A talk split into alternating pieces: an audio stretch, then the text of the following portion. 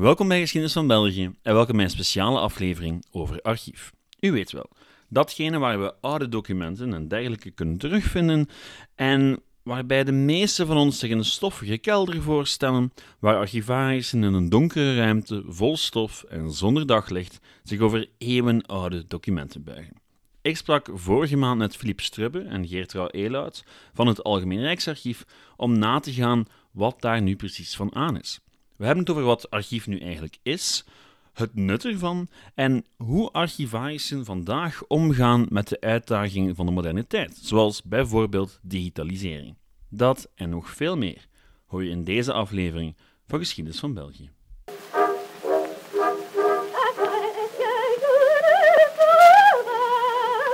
Nog enkele kleine mededelingen vooraleer ik het interview laat horen. Ten eerste zou ik het Algemeen Rijksarchief graag willen bedanken voor het interview. En ten tweede verwijs ik iedereen die graag meer wil weten over het Rijksarchief door naar hun website www.arch.be. Daar kan je ook heel makkelijk een blik werpen op de digitale catalogus en wat ze eigenlijk allemaal doen. Er is ook de nieuwsbrief als je op de hoogte wilt blijven, absoluut een aanrader. Oké, het interview begint met Philippe Strubbe die zichzelf voorstelt. Veel plezier. Ciao. Uh, archivaris bij afdeling 5. Dat zijn hedendaagse overheidsarchieven uh, van centrale overheid van 1795 tot heden. En waarom 1795? Wat nu België is, uh, dat was toen ja, nog de zuidelijke Nederlanden en is toen bij Frankrijk geannexeerd, tijdelijk. En dat is het begin van de hedendaagse periode, de moderne administratie, zeg maar. Voilà. Over die indeling gaan we het straks zeker nog hebben, want dat wordt heerlijk gecompliceerd. En uh, Geertrui Eluit, jouw functie is... Um, ik ben binnen het Rijksarchief verantwoordelijk voor de communicatie en de publiekswerking. En dat gaat dan eigenlijk over naar een zo breed mogelijk publiek toe communiceren over de archieven die het Rijksarchief bewaart, over heel België, niet alleen in de hoofdzetel in Brussel, maar in de twintig um, vestigingen en leeszalen van het Rijksarchief. En um, mensen warm maken om naar onze leeszalen te komen en om online archieven te raadplegen. Oké, we gaan met dat warm maken onmiddellijk beginnen. Ik heb wel een hele basisvraag. Um, de eerste vraag denk ik ook gewoon, wat is archief? Archief is wat we nu aan het vormen zijn, onder andere. Dus uh, archief is procesgebonden informatie, ongeacht de drager. Dus uh, dat, kan, dat kunnen gegevens zijn, informatie op een blad papier, dat kunnen uh, bits en bytes zijn, dat kunnen uh, audiogolven zijn of weet je wat, die worden opgeslagen en die dan de ether ingaan. Nu is dat digitaal, niet meer analoog. Archief is eigenlijk... Er zijn drie grote actoren als het op bronnenmateriaal van het verleden gaat. Je hebt de archeoloog, je hebt de bibliothecaris en je hebt de archivaris. En een archeoloog die graaft zaken op, die is met voorwerpen begaan. Dat kan onroerend goed zijn, dat kunnen gebouwen zijn, dat kunnen ook roerende voorwerpen zijn. Dat kan gaan van... van zwaarden tot vazen en noem maar op. Een bibliothecaris, ja, die is bezig met, beetje een slechte definitie, maar de, de gedrukte bronnen, kranten, boeken, tijdschriften, incunabulen, dus dat kunnen de wiegedrukken zijn. En een archivaris doet eigenlijk wat, al wat overblijft als de, de procesgebonden informatie. Uh, dat, dat, dat is alles wat ja, eh, een spoor is van menselijke activiteiten, bijvoorbeeld ministeries, overheidsdiensten, VZW's, bedrijven. Die zijn allemaal, elke dag zijn die druk bezig met, met hun ding te doen. Mhm. En dat heeft altijd een weerslag, het zij digitaal, het zij nog op papier. En dat is waar een archivaris mee bezig is. Dus archief is eigenlijk min of meer alles. Dat is een soort van matrix. Je moet een beetje met de matrix bekijken. Het is overal in ons dagelijks leven. Iedereen, elk individu elke luisteraar nu uh, vormt elke dag uh, archief. De meeste mensen denken niet in die termen, enfin, redeneren zo niet, maar het is, mm -hmm. het is, overal en alomtegenwoordig. En alomtegenwoordiger dan ooit nu. Door de digitalisering. Ja, zeker. Dat gewoon alles wordt opgeslaan natuurlijk.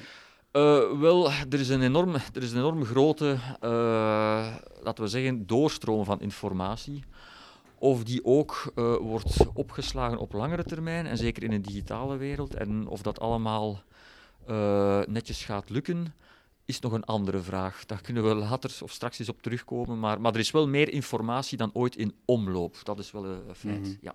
Maar informatie wordt ook alsmaar kwetsbaarder naar bewaring toe. Ik denk dat dat ook een van de grote paradoxen is van deze tijd. Hè. We leven in een informatiesamenleving, maar uh, die informatie en de dragers daarvan worden alsmaar kwetsbaarder. Dus een, mhm. een, een, oorkonde uit de middeleeuwen is qua drager veel betrouwbaarder dan... Um, ik zeg maar iets, uh, een e-mail van gisteren. Een grote paradox, hè?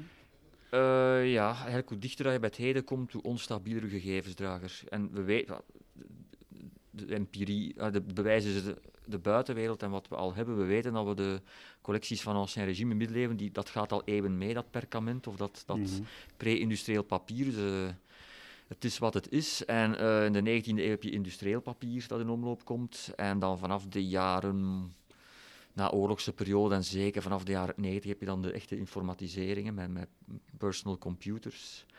Uh, eind jaren 90 e-mailadressen. Uh, de jaren 70 had je nog mainframes, dan worden dat, dat individuele serverschijven, gemeenschappelijke serverschijven. Uh, je hebt dan ook ja, softwarepakketten, WordPerfect uit de jaren 90. Is dan nog leesbaar, 30 jaar later? En 30 jaar is niks eigenlijk voor een archivaris hè, qua qua mm Dus hoe dichter bij het heden, hoe, hoe onbetrouwbaarder uw opslagformaten. Misschien moeten we ook over die 30 jaar, Filip, nog even uh, ah, ja, uitleggen, want dat is iets dat wij misschien evident vinden, maar dat komt ook voort uit uh, de archiefwetgeving. Ik wou er even op doorgaan, ook om, want ik zit hier eigenlijk in een, in een redelijk speciaal soort archief. Dit is het Algemeen Rijksarchief.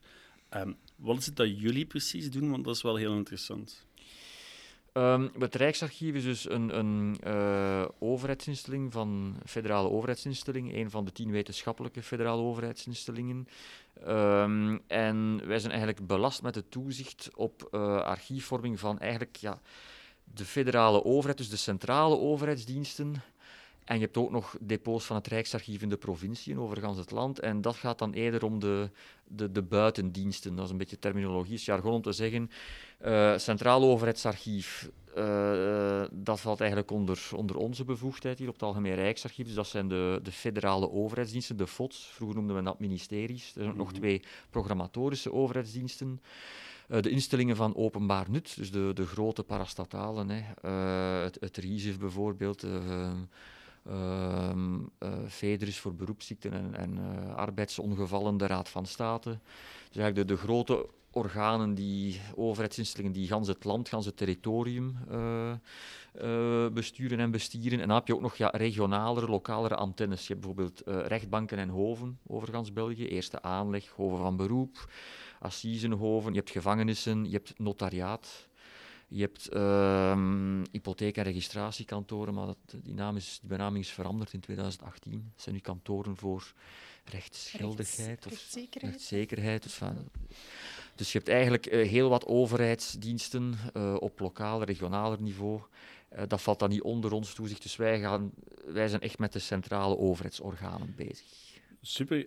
Waarom moet dat allemaal bewaard worden? Maar misschien is het belangrijk om te zeggen dat dat allemaal bewaard moet worden, is denk ik geen, geen correcte ja, dat is, ja, dat, is, dat moeten we wel ingrijpen. Ja, het uh, Rijksarchief bewaart archieven na selectie. En dat is een heel, heel belangrijk element. Het is niet dat wij in bulk alles binnennemen wat door uh, overheidsadministraties uh, wordt geproduceerd aan uh, archieven en aan, en aan digitale um, informatie. Er wordt um, een, een, selectie, een weloverwogen selectie op dat materiaal mm. gemaakt. Ja. De archivaris van de UGent zijn mij ooit, en ik viel van mijn stoel, die zijn mij ooit de job van een archivaris is misschien nog het meeste kiezen wat er vernietigd moet worden, dan kiezen wat er bewaard moet worden. Dat is een 19e-eeuwse uitdrukking in het Frans. Le bon archiviste connaît l'art de détruire. De goede archivaris kent de kunst van het oordeelkundig vernietigen. En dat is eigenlijk dat is, dat is, dat is de eerste stap van, van archivistiek. Je, moet, je gaat eigenlijk een, een, een uh, weloverwogen, een beredeneerde, beargumenteerde beslissing nemen.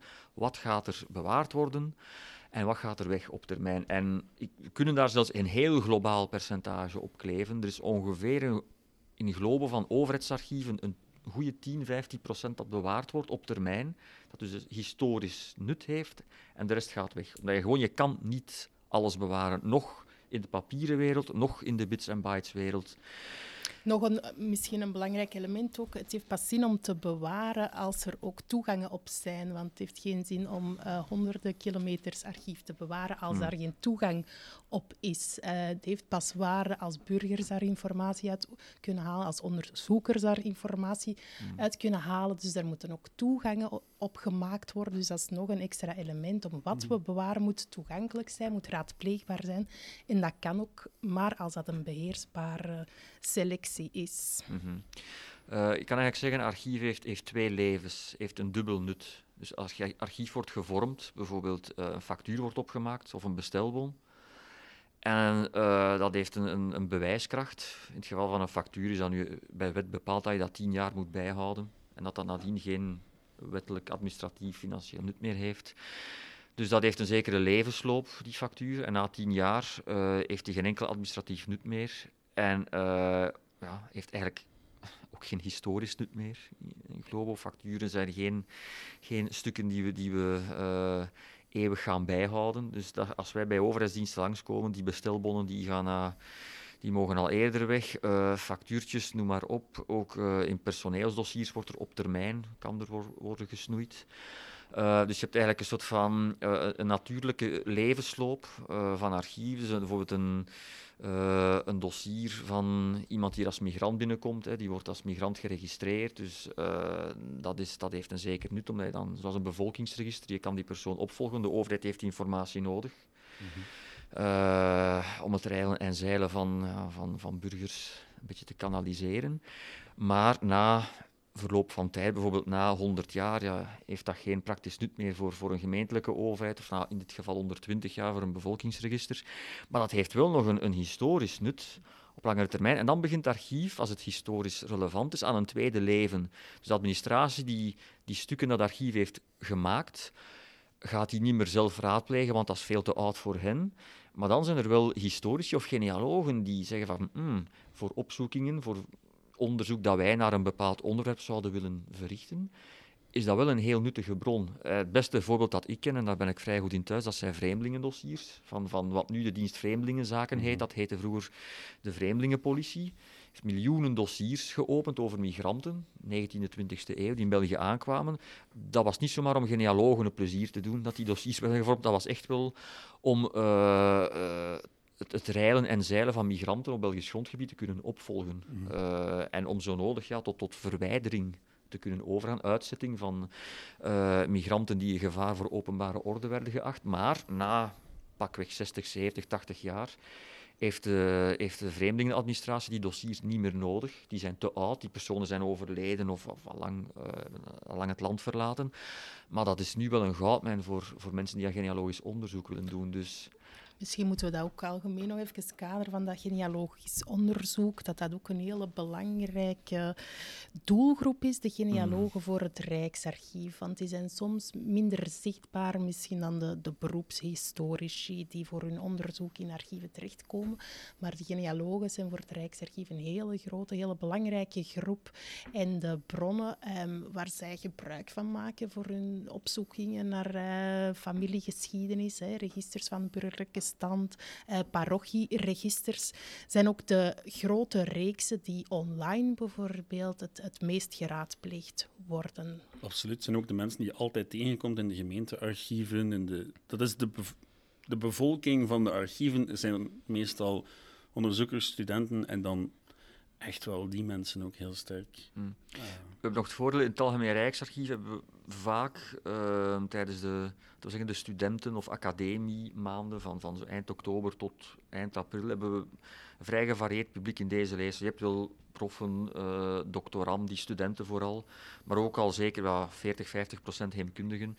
In de depots van het Rijksarchief in de provincie is, is dat nog inderdaad veel uitgesproken. De genealogen, heemkundigen zijn echt wel daar de uh, de hoofdmoot van, hmm. van het uh, dagelijkse ja, maar het is vooral online dat die genealogen on, on, on, ons grootste publiek zijn. Dat zeker, ja, Die grote reeksen genealogische bronnen zijn online um, raadpleegbaar. Dus wij zien dat ook dat die cijfers uh, van raadpleging online, van die grote reeksen, dat die blijven, blijven stijgen.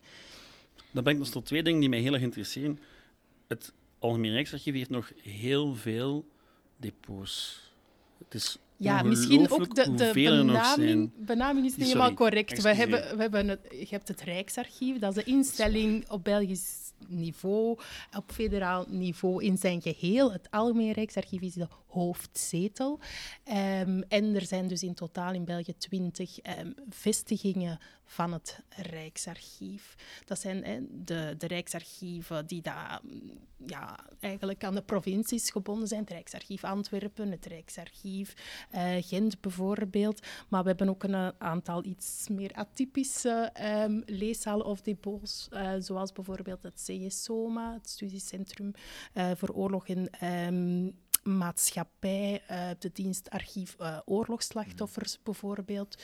Dus ehm, ja, dat alles samen maakt het eigenlijk ook wel een vrij heterogene instelling bij momenten. Om even een beeld te geven, hoeveel, hebben jullie enig idee hoeveel lopende kilometer dat er in een depot of in het algemeen zit? In het Algemeen Rijksarchief hier in dit gebouw zit ongeveer 60 kilometer, waarvan 15 à 20 kilometer eh middeleeuwen ancien regime en 40 kilometer eh, contemporain archief, hedendaagse periode.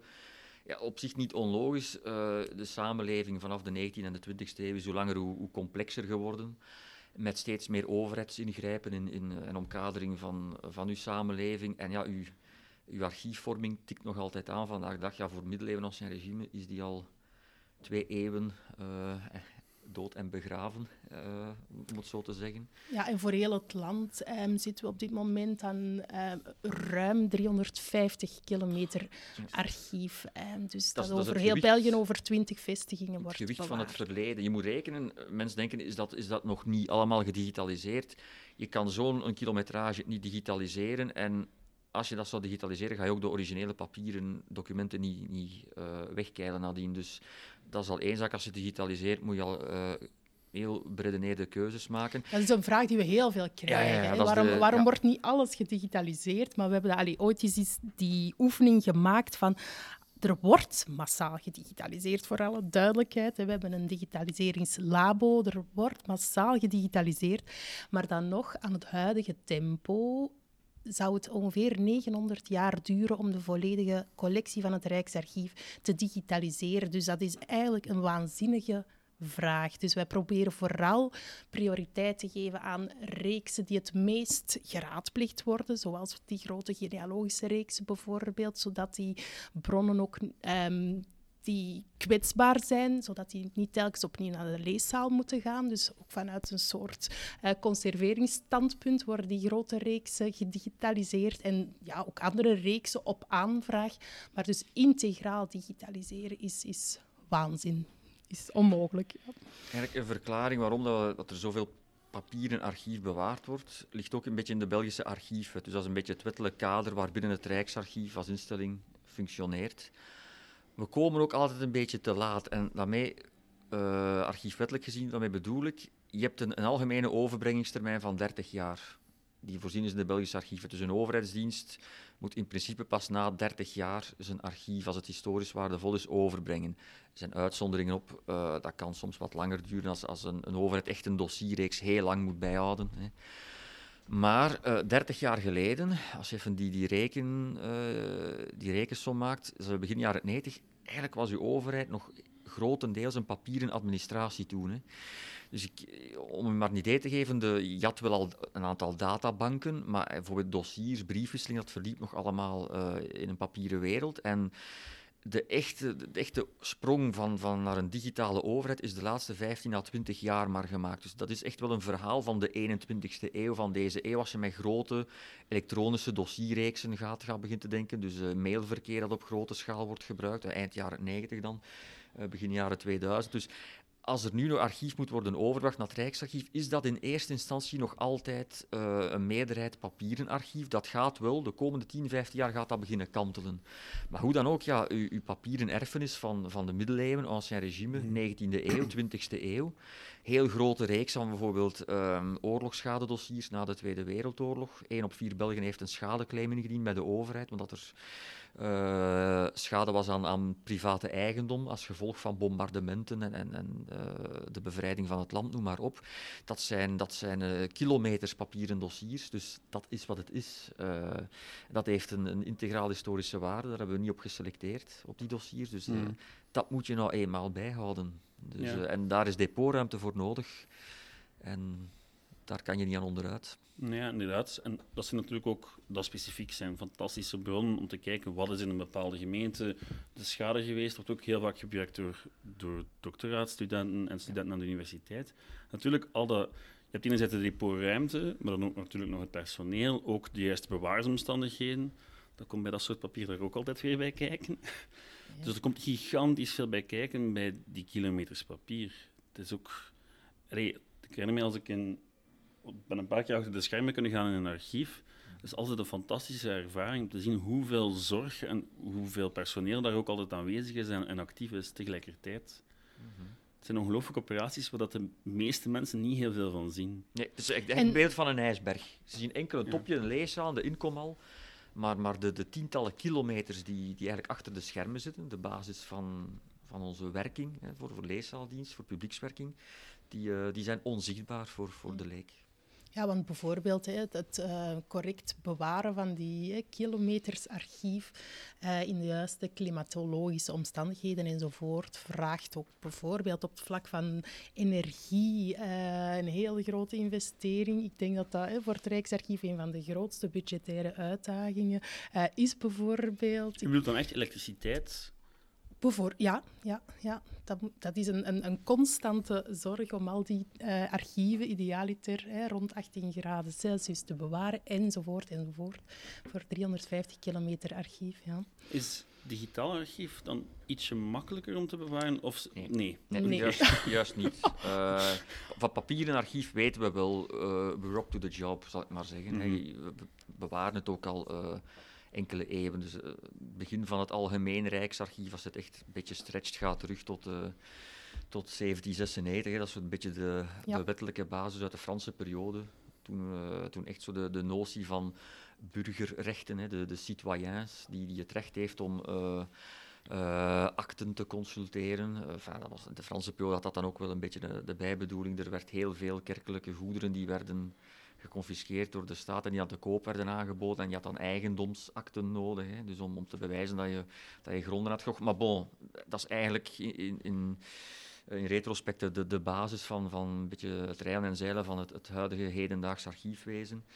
Um, maar we weten dat we, dat we papier, ja, we bewaren het al eeuwen, hè, met, met alle, alle uh, uitdagingen die erbij komen kijken. Maar Bits and Bytes 1 gaat zeker niet goedkoper zijn, want uh, je hebt ook je, je storage capacity, je opslagcapaciteit die, uh, die je moet voorzien. Uh, je moet ook je ICT-staf dan opleiden. Dus dat is, dat is zeker geen goedkopere personeelstaf dan in een papieren archiefwereld. Ja, het vraagt ook een switch in, in denkwijze binnen de archiefwereld. En dat is denk ik ook een omslag die dat we nog volop zijn aan het maken. Ook binnen het Rijksarchief moeten er mensen met nieuwe profielen um, komen die echt in dat records management um, gespecialiseerd zijn. Dat is ook voor ons als instelling een heel grote uitdaging op dit moment om aan dat soort nieuwe uitdagingen um, tegemoet te komen. Ja.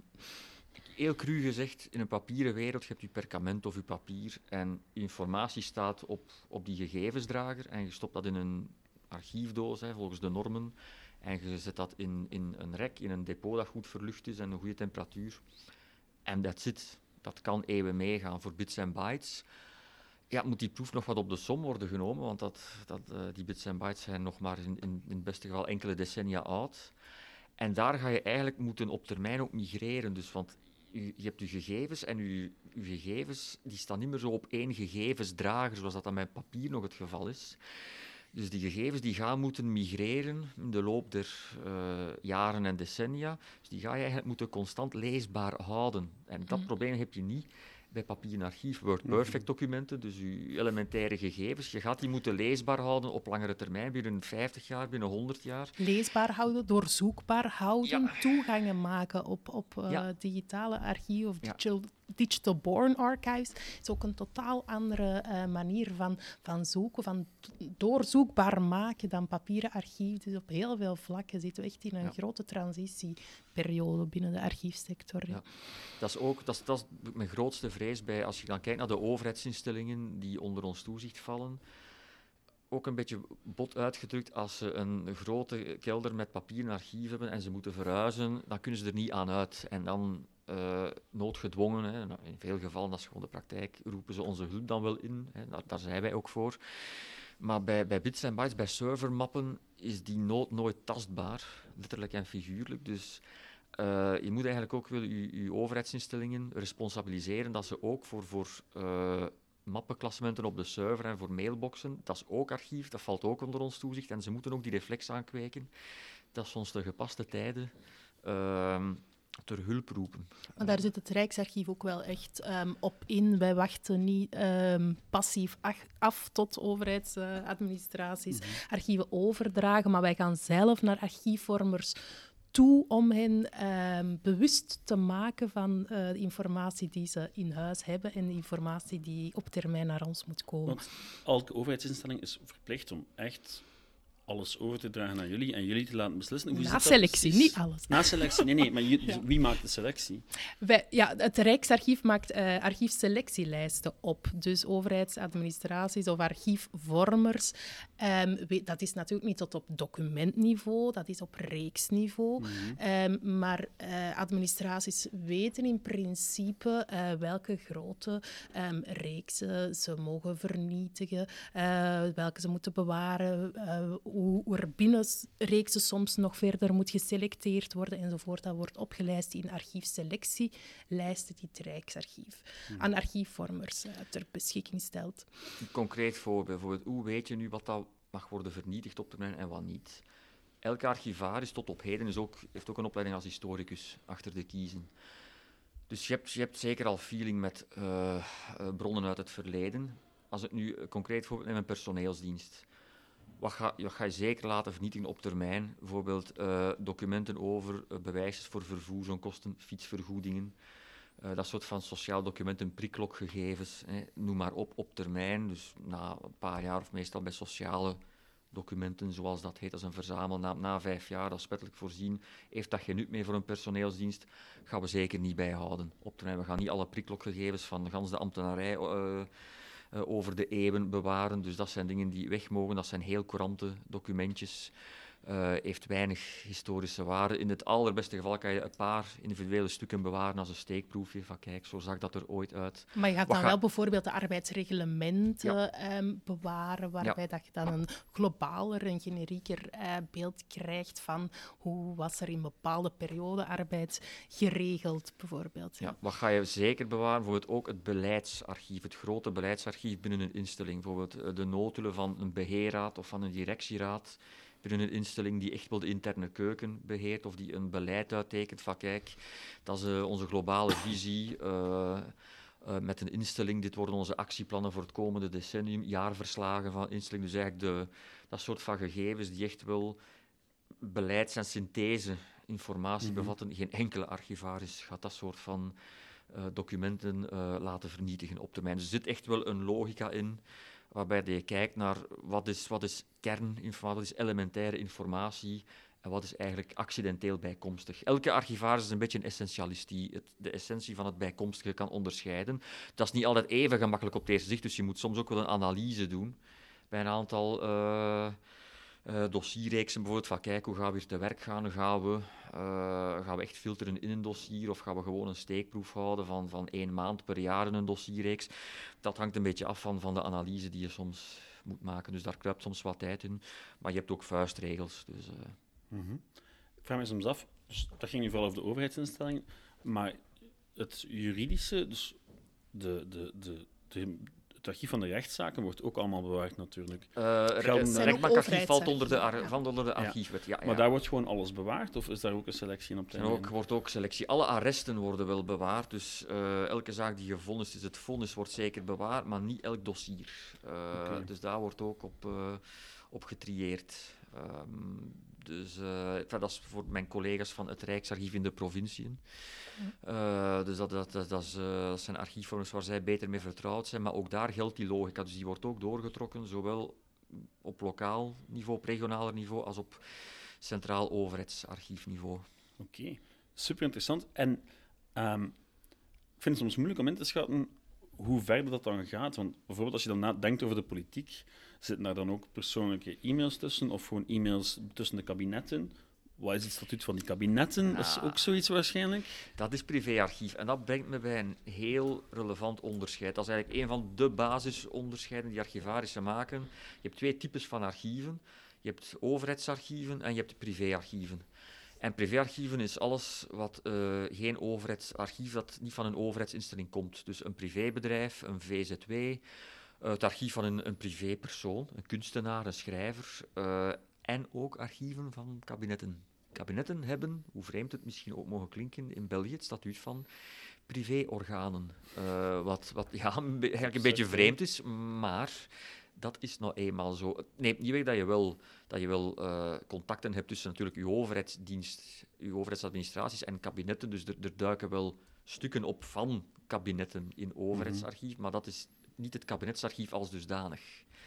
Dus eh, ja, Dus een kabinetsarchief kan vaak belanden die op termijn wel in een archief, een kleurarchief vaak. Het kan, het kan, eh, maar het is het kabinet zelf of, of de, de ex-kabinetsmedewerker die beslist. Wij hebben geen enkele wettelijke stok achter de deur om te zeggen u moet het bewaren omdat het historisch relevant is. Eh, dus eigenlijk als dat bij wijze van spreken wordt opgestookt of wordt gedelete, ja, dan is dat zo en dat is dan jammer. En je hebt ook geen... eh, je hebt ook geen wettelijk eh, verplichte bewaarplaats. Dus als het bewaard wordt, kan iemand het schenken aan eh, ja, een depot van het Rijksarchief. Ma maakt zelfs niet uit welk bij wijze van spreken. Of aan een, aan een privéarchief. En die heb je ook in België. je hebt, je hebt de, de, de kleurenarchieven, dus het, het AMSAP voor, laten we zeggen, socialistische zuil. Het KADOK in Leuven voor het katholieke zuil. Het liberaal archief. Je hebt ook het, eh het DACOP dan voor eh, communistische... eh, Er zijn heel veel archieven er zijn heel veel buiten archieven. het Rijksarchief. Ja. Ehm, ja, het is ongelooflijk interessant om te zien hoe, hoeveel variatie er ook in is. Ehm, en natuurlijk, voor jullie is dat wettelijk kader bepaalt eigenlijk alles. Hè. Of toch zeer veel. Ja. Ja. We hebben wel privéarchieven ook. We hebben het archief van de Voetbalbond bijvoorbeeld. Is eh, een 350 meter die in 2009 is geschonken. Eh, we hebben wel archieven van, van voormalige politici, dus in privéarchieven eh, uit de 19e eeuw, van Charles Rogier tot Wilfried Wilfried Martens, Martens. ja. Ja, voilà, kijk, klonk het in koor. Ja, Ehm, dus, maar dat is allemaal op basis van, van schenking gebeurd. Dus er zit ook wel in een tweede depot van het Algemeen Rijksarchief, depot Cuvelier, hier in het Brusselse, ehm, zit er ook wel flink wat privéarchief van, van voormalige bedrijven die, die begin 20e eeuw, hè, tramway, railwaybedrijven die in China actief waren, in, in Rusland of in Oost-Europa. Eh, je hebt de architectenbureau Samijn. Dus die zelfs met maquettes en zo hebben overgedragen aan, aan op basis van schenking. Maar dus dat is op vrijwillige basis gebeurd en dat wordt dan in een schenkingscontract eh, vastgelegd. Dus dat is, zeker, eh, dat is zeker niet te versmaden als een bijkomende bron. En, maar dat is, dat is een, al bij al is dat een minderheid. Dus dat is ongeveer, als ik, als ik heel grosso modo een schatting moet doen, dan zal, dan zal privéarchief 10, 10, 15 procent zijn van de collecties van het Rijksarchief, globaal gezien. Er kunnen variaties op zitten van depot tot depot. Eh, tegenover overheidsarchief, dus publiek, pub- van publiekrechtelijke organen. Maar mi- misschien is het ook nog wel belangrijk om te zeggen van eh, overheidsarchieven, dat klinkt dan eh, soms alsof dat alleen maar over, ehm, hoe moet ik het zeggen, de grote historische lijnen van, van België en zijn rechtsvoorgangers en zijn geschiedenis gaat. Maar ehm, ik vind het zelf heel belangrijk om te benadrukken dat archieven ook echt over mensen gaan en dat wij heel veel vragen krijgen van, ehm, ja, moet ik het zeggen, ehm, de man, de vrouw uit de straat eh, die op zoek is naar zijn of haar familiegeschiedenis bijvoorbeeld en die vaak informatie terugvindt in archieven, hè, in, ook in overheidsarchieven die wij bewaren, die een, die een heel grote, ook zelfs emotionele waarde kan hebben. Filip, ik denk bijvoorbeeld, hè, vorige week hebben we hier nog uh, ja. uh, een familie over de vloer gehad in het Algemeen Rijksarchief, die eigenlijk via um, de inventaris van archief van het Rode Kruis tijdens en um, na de Tweede Wereldoorlog, via die inventaris eigenlijk um, objecten op het spoor is gekomen van hun grootvader, die tijdens de Tweede Wereldoorlog politiek gevangene was, waarvan dat de nazi's, de Duitsers, um, bezittingen hadden afgenomen. Dat ging dan concreet om twee horloges en een ring. Ja die door het Rode Kruis na de Tweede Wereldoorlog moesten, um, of het Rode Kruis had op dat moment um, de opdracht om die objecten die uh, in beslag waren genomen door de Duitsers, om die terug aan de hè, rechtmatige eigenaars te bezorgen. En als dat niet lukte, dan kwamen die eigenlijk in het archief van het Rode Kruis terecht. Dat archief is in het Rijksarchief terechtgekomen. Dus hier in huis hè, bewaren wij bruine enveloppen met ja, ehm, verzegelde persoonlijke voorwerpen. Meestal zijn dat horloges. horloges, ringen, ringen balpennen. Ja. Bij, bij, bij eigenlijk arrestatie hè, door, door de Duitsers. Dus die man die zat uh, in het kamp van Beverlo, denk ik. En die is dan bevrijd. Dus hij had, het geluk dat hij, dat hij niet naar Duitsland gedeporteerd is, naar een gevangenis of een, concentratiekamp. En die, uh, die heeft nog een brief geschreven in 1945 al. Uh, denk toen naar, naar de voorloper van wat dan de dienstoorlogsslachtoffers geworden is. En gezegd van kijk, mocht, mocht dat nog opduiken, ooit met mijn twee horloges en die ring, dan had ik die, die graag terug ontvangen. En uh, eigenlijk ja, drie kwart eeuw na datum, uh, omdat het eigenlijk was op naam beschreven, dus dat eigenlijk in de inventaris die op on, in onze zoekrobot was uh, geüpload, stond er dus, kijk, dat zijn bezittingen van die persoon. Hè, en de nabestaanden, denk de kleindochter was die op het spoor gekomen, had gewoon de naam ingegeven van, van de, de grootvader of van de, de oom. Um, in onze zoekrobot en, en was daar, daarop gekomen, kon ook bewijs van verwantschap aantonen. En na uh, ja, 76 jaar zijn uh, die documenten terug, allee, die voorwerpen liever terug ja, overgedragen. Mm. Dat was um, anderhalve week geleden, was uh, woensdag de 10e. Ja, dus archieven komen soms ook terug tot leven. Ja, mm -hmm. ja. het is natuurlijk een weerslag van een, van een land ook, van, van een verleden. Dat geldt voor geschiedenis in het algemeen. Maar het is soms heel moeilijk om dat abstracte heel concreet te maken. Hè. Ja, e-, e-, eigenlijk eerlijk gezegd, het lukt meestal, eh, als je het zou bekijken, inhoudelijk gezien, als het over inderdaad mensen en individuen gaat, is het meestal ah, een beetje de miserie die het meest aan bod komt in die zin. Wereldoorlog 1, mhm. Wereldoorlog 2 rechtbankarchieven, daar ga je ook niet voor, voor je, je, plezier naartoe. Dus je gaat geen zaken aankaarten uh, uh, voor, voor, je, voor, voor de lol. Dus eigenlijk, je hebt heel vaak als er vernielingen zijn omwille van oorlog, als mensen gedeporteerd werden, als mensen schadeclaims indienden, als mensen gearresteerd werden, gevangenisarchief, hè, noem maar op. Op de vlucht waren. Op de vlucht waren, asielverzoeken, die worden dus vluchtelingen. Dus je hebt heel vaak als het over individuen gaat, heb je toch uh, procentueel gaat het meer om, om menselijk lijden of om, om de, de, negatieve aspecten die het best gedocumenteerd zijn, omdat de overheidsapparaten... geboortes, huwelijken ja, hebben dat, we ook. Ja, ja, maar dat zijn, laten we zeggen... Ja, dat niet zijn, alleen miserie. Dat zijn, dat zijn uh, heb ik niet gezegd, maar het gaat meestal... Het zijn meestal wel... De overheid grijpt dan ook meestal in. Uh, mm. Als het ja, als een, een omkadering, als, als om rampen bijvoorbeeld. Hè.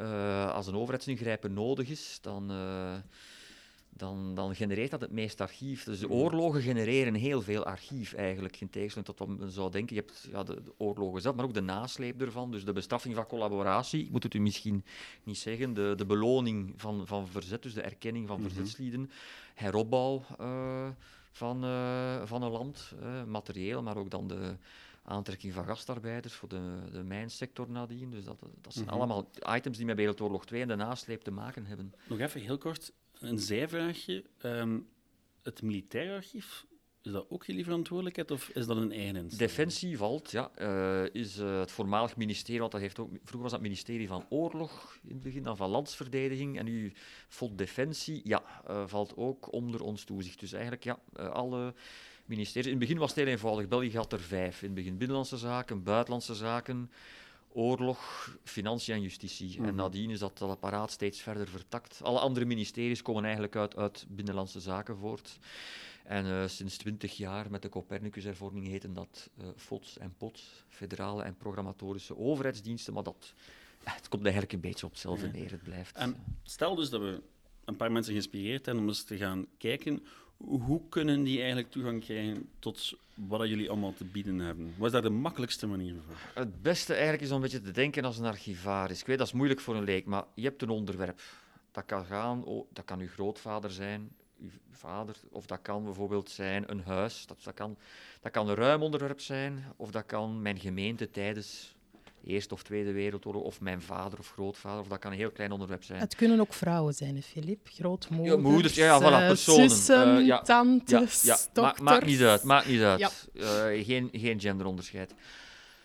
En dat, dan moet je eigenlijk je onderwerp moet je beschouwen als een soort van steen of steentje, dan naar gelang hoe groot je thema of je onderzoeksonderwerp is, dat je in het water werpt en dan heb je een soort van cirkels die dan daar rond verschijnen. En moet je eigenlijk denken van wie of wat, welke overheidsdienst heeft daarmee iets te maken gehad, is in contact gekomen. Bijvoorbeeld iemand, een vrouw die als verzetstrijder is geëxecuteerd tijdens eh, de Tweede Wereldoorlog, is gedeporteerd. Oké, ja, die, is, ja, die heeft haar geboorteakte, die is dan begin 20e eeuw of eind 19e eeuw geboren, dus je vindt zeker op niveau van de burgerlijke stand van de gemeente haar geboorteakte. Ja, in het bevolkingsregister van die gemeente of de gemeenten waar ze gewoond heeft, ga je ook de, haar voormalige adressen weten. Hè. Als ze getrouwd was, ga je een huwelijksakte vinden. Als ze kinderen had, ga je daar ook sporen van terugvinden.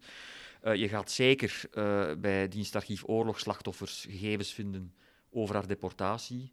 Ehm, over eh, haar overlijden is ze zelfs postuum nog nationaal erkend als verzetsstrijdster. Heeft ze nog die, dat statuut gekregen, gekregen, dat kon ook postuum. Eh, dus dat eigenlijk allemaal... Op, ja, op zoek gaan naar informatie op de plaats waar dat ze gecreëerd is. Archieven hè, eh, zijn eh, geen documentatie, geen thematische documentatie over een onderwerp, maar je moet je eigenlijk proberen in te beelden van waar is die informatie gecreëerd, door wie is die informatie gevormd, op papier gesteld of, of, op een andere drager terechtgekomen. Dus dat is eigenlijk de denkoefening die iedereen die archiefonderzoek ehm, bezig is, in welke context dan ook, zich steeds opnieuw moet stellen. Ja.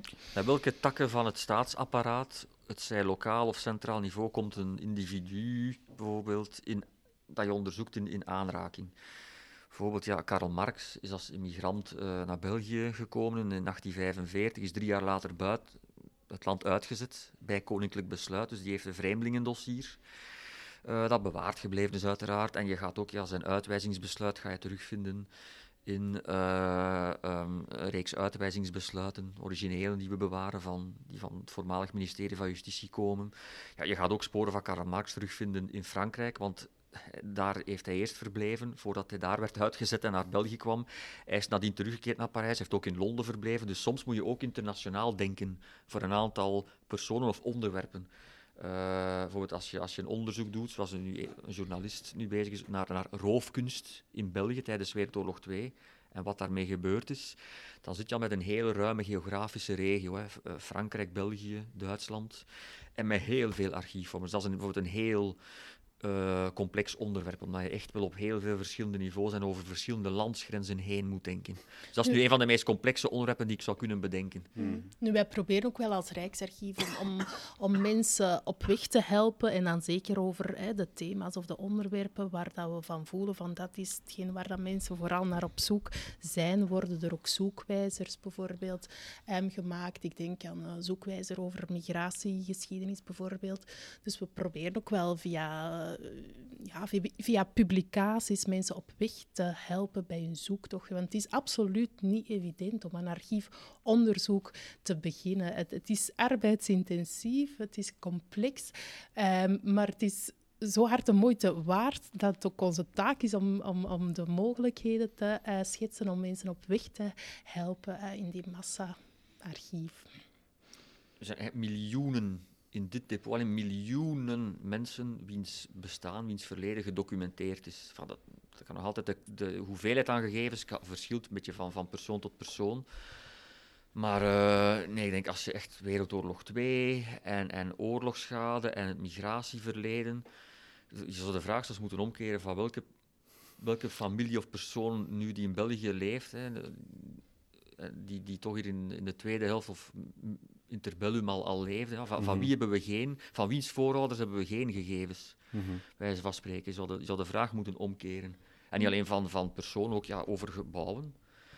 Uh, heb je gegevens, de overheidsgebouwen, uh, noem maar op. Dus je hebt ook ja, financiële gegevens. Uh, nog zo'n voorbeeld van een paar maanden geleden. Er was een onderzoek bezig naar een voormalige Belgische ambassade uh, waarvan geen rechtstreeks archief bewaard was. In, was het in Tunesië, maar in het archief van het Rekenhof vond je dan toch nog gegevens, want je had dan het meubilair en zo, en de, de onkosten daarvoor die moesten gedaan worden voor schilderijen en, en de interieurdecoratie passeerde via het Rekenhof. En dus daar, via die financiële bronnen, vind je ook nog ineens toch een, een heel concreet beeld uh, van... van uh, van een, een, gebouw uit het verleden. Ja, voor, voor, eigenlijk voor de, de, de middeleeuwen, lang voor, voor de burgerlijke stand uh, er was. Dat spreken we echt van eind 18e eeuw.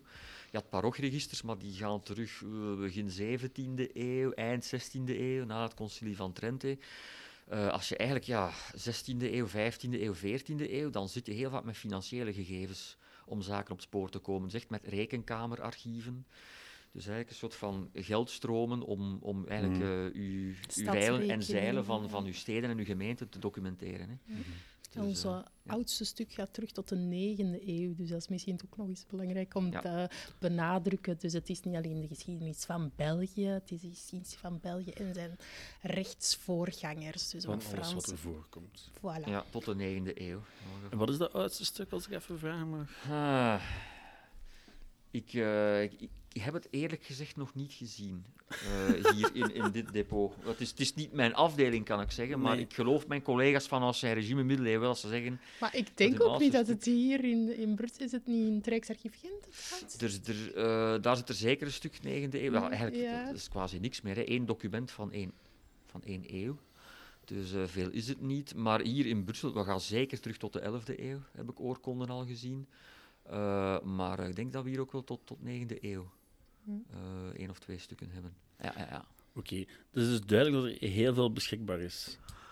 Het verleden laat sporen, nou, en hoe dichter dat je bij, bij de 20e eeuw komt en het heden, hoe meer. Ja, ja, ja dat ja. zeker ook niet alles is zomaar hè, direct raadpleegbaar, maar dat is ook op de website uh, van het Rijksarchief uh, aangegeven. Voor hedendaagse um, archieven gelden er soms ook wel restricties um, op de raadpleging, maar het overgrote deel van de collectie is, is vrij raadpleegbaar voor gelijk wie uh, in de leeszalen van het Rijksarchief. Oké, okay, heel erg bedankt. Bij deze graag gedaan. Tot daar het interview. Nogmaals dank aan het Algemeen Rijksarchief. U kan de podcast steunen door ons te liken op Facebook onder de noemer Geschiedenis van België. Mailen mag ook altijd naar geschiedenisvan.outlook.be. Bedankt voor het luisteren en tot volgende week. Dan pakken we de geschiedenis aan van een land, slash provincie, slash streek, slash stad, waarvan niemand echt goed weet waarom het überhaupt een dingetje is. Luxemburg, jawel. Tot dan, ciao!